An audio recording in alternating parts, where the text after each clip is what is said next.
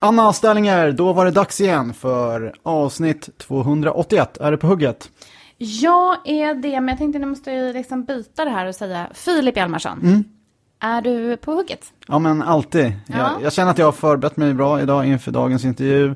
Och eh, som du sa förra veckan, det här med att du har hittat din grej för hur du ska få ja, men den bästa versionen av dig själv mm. innan du börjar podda och under intervjun. Och jag har ett bra knep där också. Vill du höra? Ja, men jag måste... ja. Nej, men eh, inte vara för taggad sådär en timme innan, utan varva ner lite och sen eh, när vi snackar ihop och sen så 20 minuter innan så börja gå på det, lite fundera, vad kommer det här landa, vad vill vi få ut av det här avsnittet och så vidare. Vem var det som sa det här med att tittade på, sin, på en bild? Mm. På sitt barn, vem var det? Eh, David J.P. Phillips, precis. Den, den gör jag i och för sig alltid innan vi börjar podda, kolla på min son som är på min dators eh, bakgrund. Ja. Så att eh, den är bra för mig, då blir jag berörd och känner det. härliga känslor och tänker på vad som betyder allra mest här i livet. Ja. Mm. Jag tänkte på det här när man nu har elever också som när man ska göra någonting. Nu är jag mitt uppe så har jag precis fått mina åttor. Vi ska med svenska, man kan vara nervös för saker. Det här med liksom hur man handskas med nervositet tänkte jag. Det kan man också tipsa dem om. Det här med att om, liksom, hjärnan kan ju framkalla saker om du tittar på någonting som gör dig glad innan du ska göra någon prestation. Precis, mm. så till dig som lyssnar, backa tillbaks bandet och lyssna på vår intervju med David J.P. Phillips som var för ungefär ett och ett halvt år sedan. Sådär. Mm. Men Anna, vi vill än en gång tacka vår sponsor Lean Education. Mm. Vi vill absolut tacka dem och jag vill på verkligen påpeka att hör av er till Lin när det gäller just digitala lösningar. Digitala processer, det här man kan behöva hjälp med alla möjliga typer av lösningar, tänker jag. Både när det gäller hur man gör saker i olika typer av verktyg eller kan få hjälp med det, men även på andra sätt kanske organisationen kring den digitala utvecklingen på skolan så det verkligen blir likvärdigt i landet. Det är ju verkligen någonting liksom hela Sverige strävar efter. Så jag tänker där finns det ju väldigt många luckor så hör av er till LIN. Sen är det nämligen så att vi har en annan sponsor. Mm, Nationalencyklopedin. Precis. Mm. Vad händer på ne.se? På NE-fronten händer som följande att du kan gå in på ne.se och prova de pedagogiska verktygen som finns eh, för ditt klassrum. Det finns nämligen 18 ämnen i alla stadier, även på gymnasiet. Och här så finns det väldigt mycket viktiga och bra saker som du kan använda dig av som är digitalt i ditt ämne. Låt säga att du har historia kanske så kan du hitta allt möjligt, eller religion, eller vilket ämne du nu har. Eh, och här finns det olika funktioner som kanske hjälper elever med läs och skrivsvårigheter. Du kan hitta olika uppläsningar och massvis med olika bra grejer. Gå in och kika gratis. titta någonting som passar, det tror jag. På ne.se. Nu Anna är det dags för oss att starta avsnitt 281. Till dig där ute, du ska vara varmt, varmt, varmt välkommen.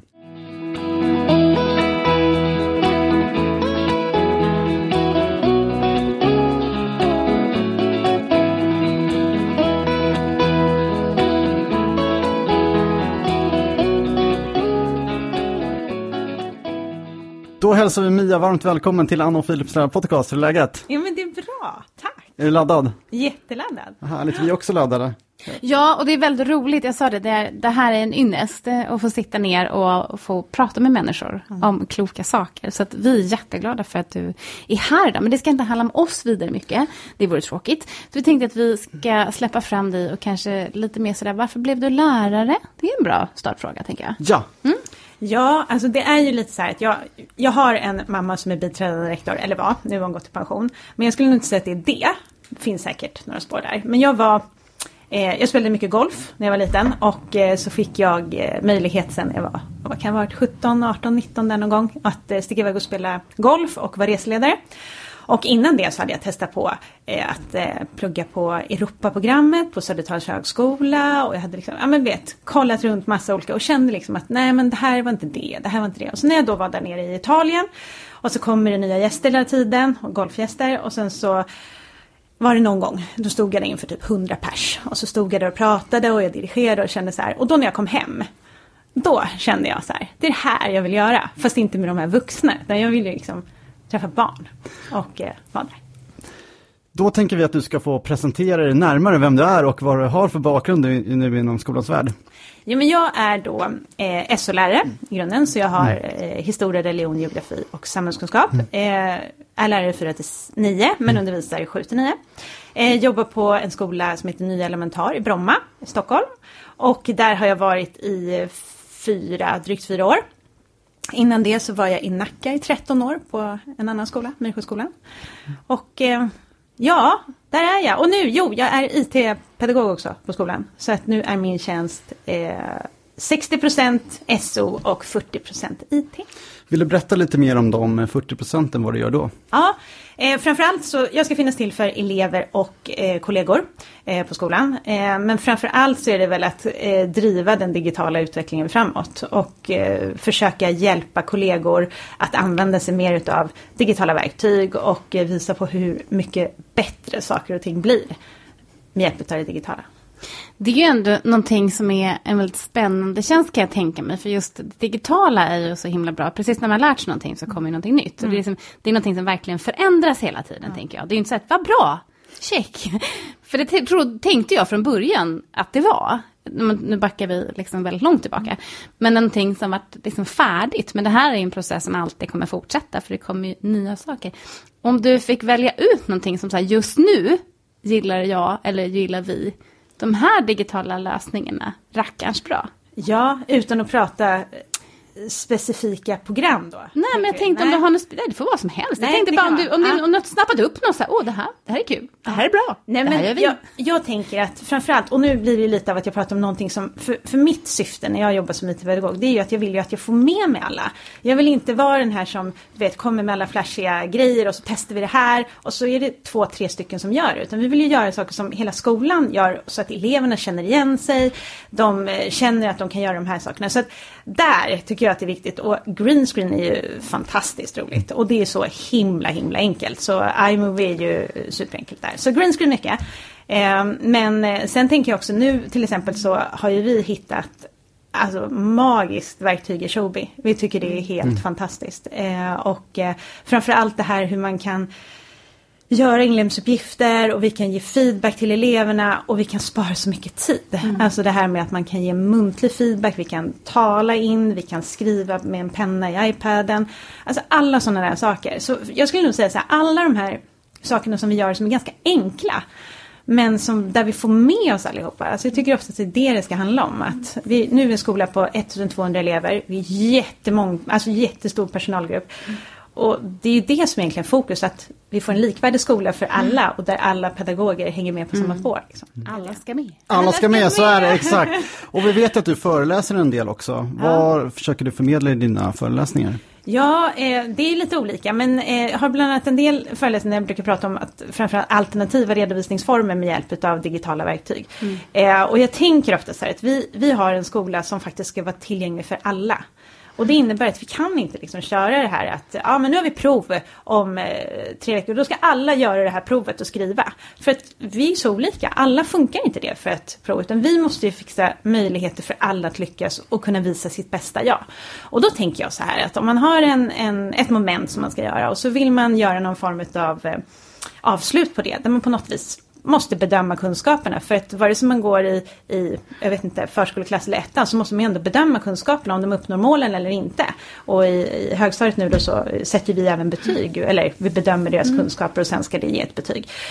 Där tänker jag att då kanske man ska ge en möjlighet till fem olika möjligheter att visa sina eh, kunskaper. Alltså det kan vara till exempel för att ja, men de kan få visa genom att göra en film.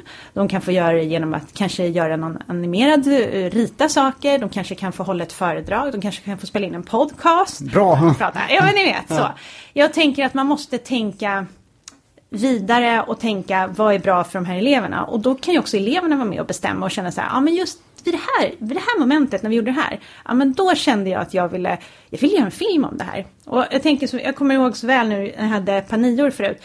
Då körde jag det bland annat på franska revolutionen, momentet. Och då gav jag det som uppgift. Och då hade jag en elev, hon tog fram greenscreenen, åkte till Versailles och stod utanför Versailles och berättade mm. hur Marie Antoinette kände under franska revolutionen, när vi pratade perspektiv. En annan eh, tog fram en liten whiteboardtavla, eh, målade med sin eh, penna och så snabbade de upp eh, filmen så att det blev som en cool sån här animerfilm, ni vet, RSA Anime typ. Eh, en annan, då var det tre stycken som sattes i en grupp och så förberedde de massa frågor och så gjorde de en podcast och då ställde de så här kloka frågor till varandra. Alltså, det var magiskt att vara lärare då. Alltså, ja, grymt. Ja. Vad säger du till, för jag, jag, känner bara, ja, man vill bara göra vågen och halleluja. Men vad säger du till dem som vidmakthåller att, nej men alltså, alla måste ju göra det här provet om franska revolutionen, för annars så kan jag inte se. Nej. Vadå, hur ska jag kunna sätta betyg ja. på? Det går ju inte. Men vi sätter ju inte betyg på ett prov. Alltså jag blir så här, ja, jag blir så himla trött. Och det, när jag har berättat om det här då säger en del så här, men hur bedömer du det här? Och jag kan känna så här, att det är helt fel ingång. Mm. Alltså vi måste, det, man, man liksom på något vis lägger det hos eleverna att de minsann ska visa. Det är ju vi som måste skapa möjligheter för eleverna att visa vad de kan. Och har vi då Pelle eller Kalle som inte kan det på det sättet, ja men då är det vår uppgift att ta fram ett sätt där de kan. Precis så är det och därför tänker jag att du ska få berätta om hur responsen från eleverna har varit när du jobbar på det här sättet. Ja men de älskar det. De tycker det är jättekul. Och de känner ju liksom att eh, de får eh, jag vet inte, nej men de tycker att det är jättekul och framförallt när vi har pratat om sådana här grejer efteråt. För framförallt då i och med att jag åkte och föreläst lite om det här så är det viktigt att ha med lite på något vis feedback från vad eleverna tänker. Och när jag pratat med gamla elever då säger de så här, ja ah, men det där gjorde vi, det var bra. Eller som när vi har gjort något annat moment sen efteråt, då har de sagt, men Mia kan vi inte få göra så här också den här gången? Eller när vi gjorde den här podcasten, kan vi inte få testa det på det här? Så att de blir ju också på något vis öppna för att man kan tänka utanför boxen. För det också tänker jag att många elever blir ju lite så att de, de ser bara en väg. Alltså man ska hem och plugga, man ska plugga de här timmarna och sen ska man examinera det här på ett prov. Så glömmer man bort det ja. när det är färdigt. Ja, det är jättemärkligt. Mm. ja, men och sen att de då, så att jag har hört att det finns eh, eh kollegor då som har kommit och sagt så här, ja nu vill de komma och göra podd hos mig också Mia. Du vet så här, ja. Ja men det är väl härligt och inspirerande, det är så man ska se det, eller hur? Att du eh, öppnar upp dörrar för eleverna, det är det vi ska göra. Men eh, du har varit inne och snuddat lite på värdeskapande här, även om du inte har benämnt det begreppet. Men jag tänker att du ska få kort redogöra för det begreppet, om det är någon som inte har koll på det, och sen berätta hur du rent konkret arbetar med det i ditt klassrum. Eh, när vi till exempel har missat en lektion, eleverna har missat en lektion eh, för att vi har gjort någonting annat. Och då säger de så här, men Mia, vi missar ju din nästa lektion. Alltså så. Det hör snarare till vanligheterna än någonting annat. Vilket, och det har jag tänkt så här, men det är ju säkert för att de tycker att vi har en god relation och att vi har roligt så. Men jag tror också att det är mycket att vad vi faktiskt gör. Alltså de tycker att det är meningsfullt att komma på lektionerna. För det vi gör är viktigt för dem på något vis. Och det kan verkligen variera. Men de känner inte i alla fall när de går ifrån mina lektioner att hade lika gärna kunnat vara hemma. Det här var helt meningslöst. Så. Och den grundtanken tror jag, det är så basic verkligen. Men den grundtanken tror jag är jätteviktig för att prata värdeskapen överhuvudtaget. Mm. Att eleverna ska känna att ja, men det, var, det var inte helt värdelöst att komma hit. Jag kommer hit för att det finns någon mening och värdefullt i det. Men sen tänker jag så här att värdeskapande undervisning det handlar ju faktiskt om att eleverna känner att de kommer till skolan och att vi gör uppgifter eller vi gör projekt eller någonting som faktiskt betyder någonting. Och betyder någonting för dem. Eh, de ser att det de gör ger skillnad eller gör skillnad och framförallt att de ser att om de inte skulle gjort det här så skulle det ha saknats eller gett effekt på omvärlden på något vis. Så, så allting gör på något vis ska ge någon form av effekt. Vi kan ta sådana enkla saker som att eh, vi har projekt som eh, Ja, men jag kan ta exempel i undervisningen. Gärna. Ja, Eh, vi jobbade till exempel med eh, hur Sverige styrs. Och eh, då så, eh, ja men vi läser om hur Sverige styrs och hur man kan påverka och vi pratar om demokrati och vikten av att kunna påverka och så vidare. Men då kände jag också att då måste de ju också få känna att de faktiskt kan påverka på något sätt. Och de känner att ja, men vi, är under, vi, vi är under 18, vi får inte rösta och hur ska vi och så vidare. Men då tänker jag, ja men alla kan ju faktiskt vara med och påverka på något vis. Vår omgivning i alla fall. Så de fick uppgift att de skulle påverka eh, omvärlden i närområdet, valfritt sätt, med någon form av installation. Och den här installationen skulle göra på något vis att världen var bättre. Eh, så då snackade jag lite med eh, slöjdläraren och sa att, ja men du, ska vi inte liksom köra något, något projekt ihop? Och det här mynnade ut i ett grilla Art-projekt. Så att då fick de eleverna gå ut och eh, köra som installationer. Och några gick ut och då virkade, ni vet, halsdukar mm. runt lyktstolpar och andra eh, la massa kuddar på eh, bänkar och la en skylt där det stod ta det lugnt, du har tid. Och jag hade en grupp som gick till, till Brommaplan med en stol och en bänk och ett litet glas vatten och så, så fångade de personer i rusningstrafik och försökte få dem att sätta sig ner som skulle chilla lite. Och, nej men och sen så en annan hade äh, herr Gåman eh, projekt eller herr Gåman skylten där. Ja, ja. satte de på en liten pride-kjol för de tyckte att det var så stereotyp. Ja men ni vet så. Mm. Och allt det här var de då tvungna att sätta en liten skylt där de skrev och beskrev varför gör de det här och på vilket sätt vill de på något vis förändra. Mm. Eh, men det slutade inte där och det är här jag tycker att det blir ett nästa steg i just värdeskapande undervisning. För att vi måste ha en mottagare eleverna måste känna att det de gör, eh, det de gör måste de på något vis ha en mottagare, någon de ska visa det till för. Och det kan inte räcka med mig som lärare. För det blir liksom så genomskinligt till slut. Då känner eleverna att ah, det handlar bara om bedömning. Det är det mm. enda det är. För det är liksom ingenting annat de kommer titta på. Så i det här läget så bjöd vi in, och det här sa jag också i början, att nu är era mottagare, era föräldrar ska komma hit på ett vernissage och alla era de här installationerna ska fotas och så kommer vi ställa upp dem i skolan och så bjöd vi då på ja, lite tilltugg och sådär. Och så hade vi ett vernissage med det här. Och det var så himla bra verkligen. Finns det någonstans för våra lyssnare att uh, ta del av det här? Finns det någon sida eller är det oh, låst på er skola? Nej, det gör det inte. Jag, det borde jag bli bättre på. Men eh, det gör det faktiskt inte. Man får jättegärna ta kontakt med mig. Så liksom, ja, men ja, härligt. Verkligen. Ja, så. Men jag är dålig på det där. Jag måste eh, få ut Ja, men det där vill vi att du sprider. Liksom. Ja. Men det är bra att du kommer hit och berättar om det. Eller hur, Anna? Nu är det ju för eviget ja, ändå. Exakt. Eller hur? ja. Och många gånger så är det just de här, det är det här lite de kommer ihåg. Eleverna kommer ju faktiskt inte, tyvärr, riktigt ihåg det där provet som de hade. Utan de här sakerna man gör som blir någonting viktigt. Ja. Eh, är ju faktiskt det som man minns. Ja, kopplat till saker som du faktiskt behöver träna och kunna på. Nej men sen tänker jag också på det här med värdeskapande för det är också, tittar man nu, nu ligger faktiskt de globala mm. målen i vår mm. kursplan, de ska in mm. liksom så. Och där nu senast så gjorde jag ett projekt just med globala målen. Och då fick de alla eleverna ett, eh, för då pratade vi lite om det här med globala målen, mm. för det är så himla lätt att man pratar om globala målen och så tänker man att vi ska bekämpa fattigdomen i världen och det blir så långt bort för eleverna. Men när man faktiskt pratar om att det finns faktiskt barn som går till skolan hungriga. Alltså det blir lite mer konkret för dem. Att vi kanske måste också applicera det på den mm. värld vi lever närmast. Och då fick de i alla fall att de skulle mm, jobba med de globala målen och applicera två av målen på sin omgivning. Mm.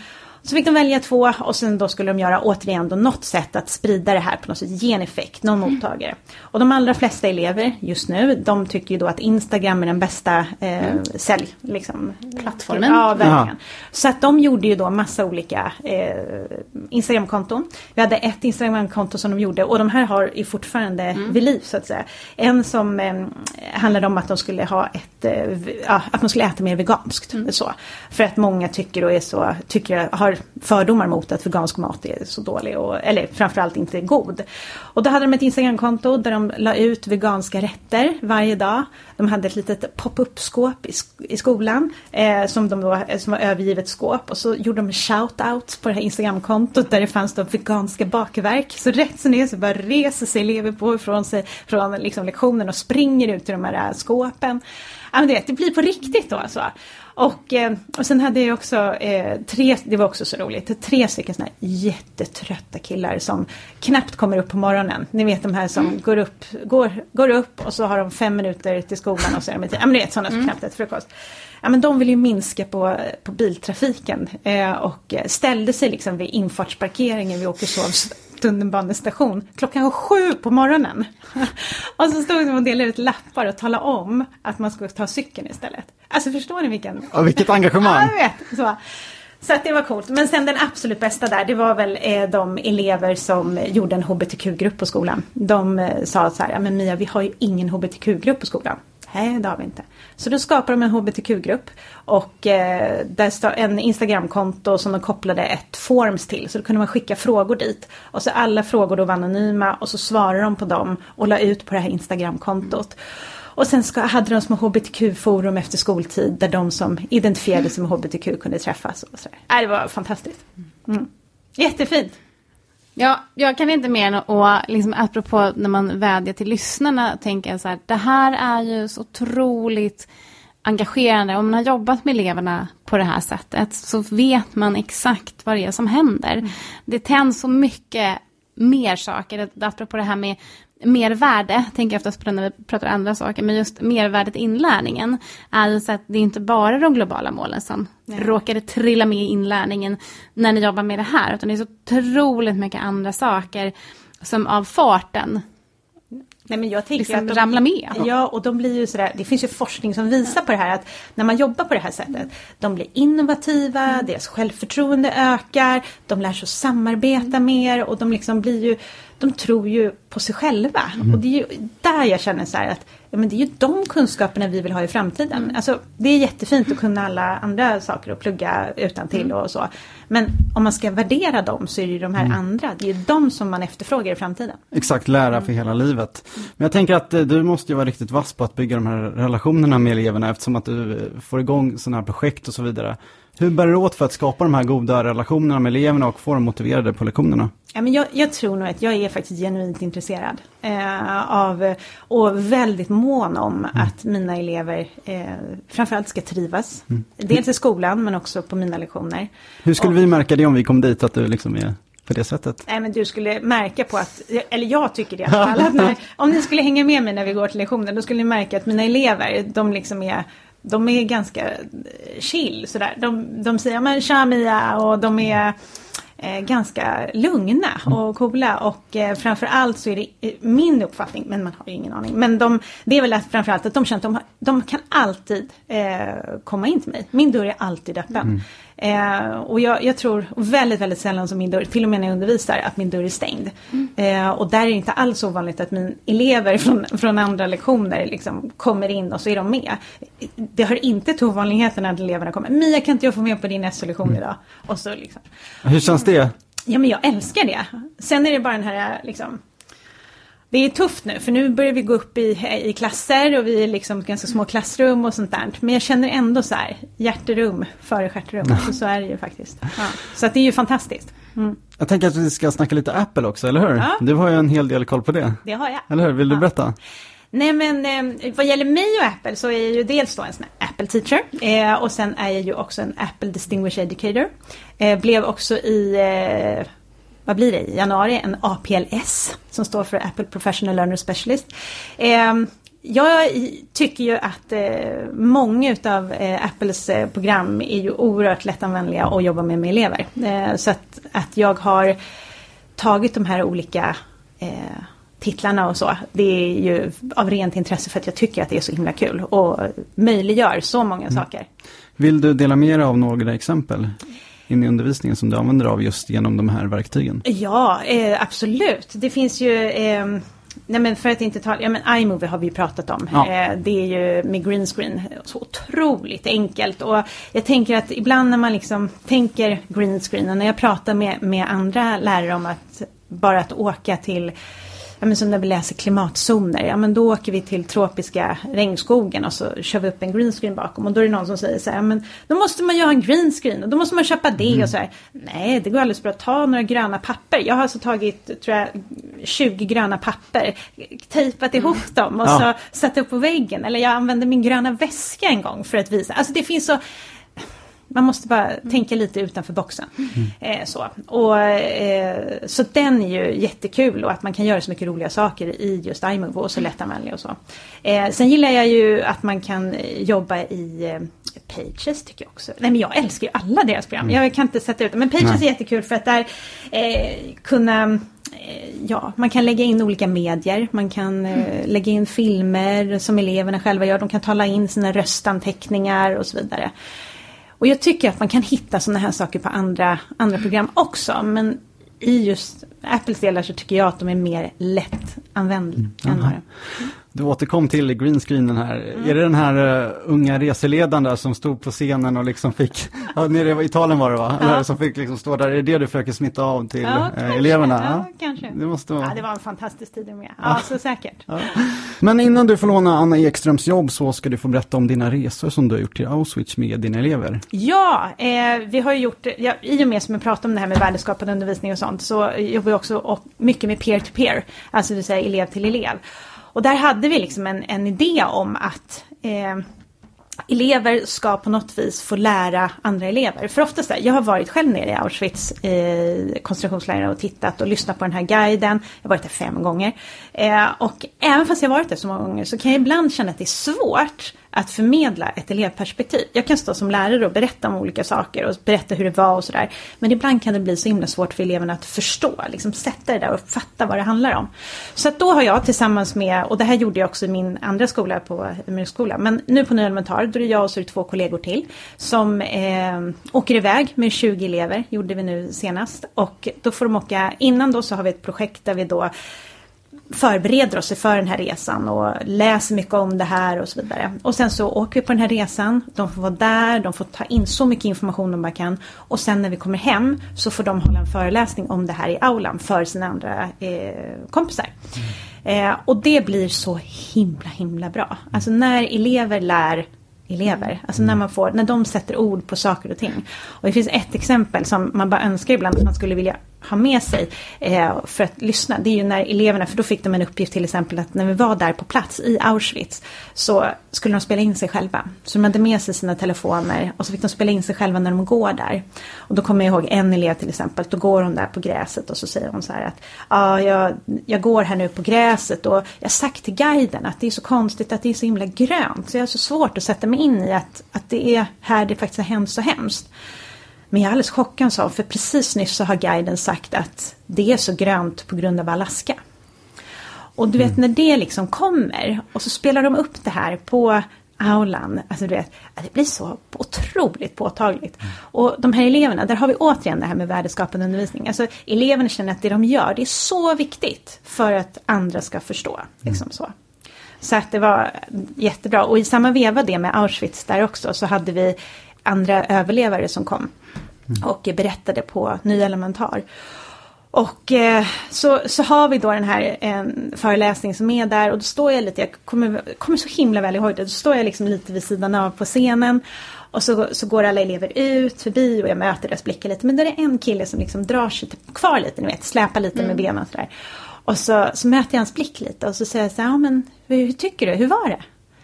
Jo men det var bra, sa han. Men alltså, de är ju så gamla. Ja, så. Men vem ska berätta liksom, när, mm. när de är döda? Mm. Och då så föddes en ny sån där idé. Vi måste liksom jobba vidare med just det.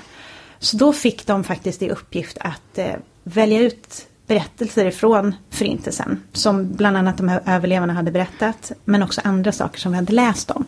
Och så fick de eh, valfritt medel, alltså valfritt metod, antingen podd eller göra en film eller någonting. Någonting som vi faktiskt kunde lägga upp på YouTube, olistat då. Och inte med ansikten och så, så med tanke mm, på GDPR. Mm. Eh, och sen så länkade vi den här till en QR-kod. Och sen så fick eh, varje grupp som gjorde det här fick fem stycken affischer. Och på de här affischerna så stod det om detta måste vi berätta. Mm. Och så klistrade de fast, fast sin QR-kod på varje sån här affisch. Och sen åkte de ut i Stockholm och satte upp den i hela Stockholm. Eh, så att de satte upp den på eh, du vet, lyktstolpar, satte upp den på ja, men, olika ställen där de ville att den här berättelsen skulle spridas vidare. Mm. Och det var så himla häftigt att se hur de gjorde det. Liksom så. Och sen så kunde de då, två dagar efteråt, så kom de och så, för att man kan ju följa då, när man lägger upp det på YouTube, då kan man ju se hur många visningar. Mm. Exakt. Så då såg de ju effekten, hur många som har sett just deras berättelse om det här. Så, så att det var också så här, ja, super, blev jättebra verkligen. Så starkt och viktigt att eh, jobba med de här frågorna. Vi har ju själva intervjuat Emre Schroth som en ja. överlevarna och vi har ju haft lärare som har i hela program pratat om det här. Men eh, tusen tack för att du berättar om den här delen och vi hoppas att fler åker ner dit när det lugnar ner sig med coronan och jobbar aktivt med de här frågorna varje dag i klassrummet. Mm. Men nu Mia så ska du få låna Anna Ekströms jobb i 90 sekunder och då ska du välja någonting i svensk skola som du vill bevara och sedan välja någonting som du vill kicka ut. 90 sekunder är dina nu. Tack. Alltså svårt, men eh, kicka ut sig på en gång. Sluta spara på skolan. Jag blir helt galen. Eh, man, jag, jag, det är helt fel ända. Alltså, jag lyssnade på Lalles sommarprat. Han hör, ja. lyssnade på det. Ja, fantastiskt. Men, och hon har ju många bra saker. Men framförallt det hon säger om att det är ju faktiskt barnen det handlar om. Det är ju de som är vår framtid. Och jag blir så trött när vi liksom sparar på skolan hela tiden. Tvärtom, det är där vi ska satsa. Om vi ska prioritera, så satsa där. Så om jag var utbildningsminister, då är det det, det är det enda jag skulle typ slåss för hårt. Sen så tänker jag att det vi ska bevara, nu har vi ju som vi sa, man har ju faktiskt fått in det här med globala målen i i undervisningen och i kursplanen. Det tycker jag är bra. Men jag tycker också att vi kan trycka ännu mer på det. Och faktiskt vara mer på de här mjuka värdena. Alltså syfta mer på att få in mer de mjuka värdena i kursplanerna. Till exempel att det är viktigt det här med att lobba för elevernas innovation. Att de ska vara innovativa, att de ska tro mer på sig själva, stärka dem som människor. Det tror jag är jätteviktigt. Och framför allt på något vis säkerställa hur vet jag inte än, men säkerställa att de här globala målen och allt det här inte bara blir något som alla skolor gör en liten bock på och check och säger att ja, vi jobbar efter de globala målen, men så och så har man lite snygga affischer uppsatta överallt, utan att man faktiskt gör det. Eh, det tycker jag känns eh, som det skulle vara en framgångsrik skola. Tack för de eh, kloka tankarna. Hur kändes det att låna Annas jobb? Mycket bra. Härligt. Anna, vi vet att du lyssnar så vi hoppas att du uppskattar det här. Ja, och då kan jag eh, tipsa om att eh, kika på ett YouTube-klipp som heter Jag är en siffra att räkna med. Apropå globala målen. Men nu är det dags för dig för en favoritpunkt tror jag, som du har väntat ända till nu på. Eller? Absolut. Du ska nämligen få skryta om varför du är en så skicklig pedagog slash lärare. Så att eh, varsågod, scenen är din.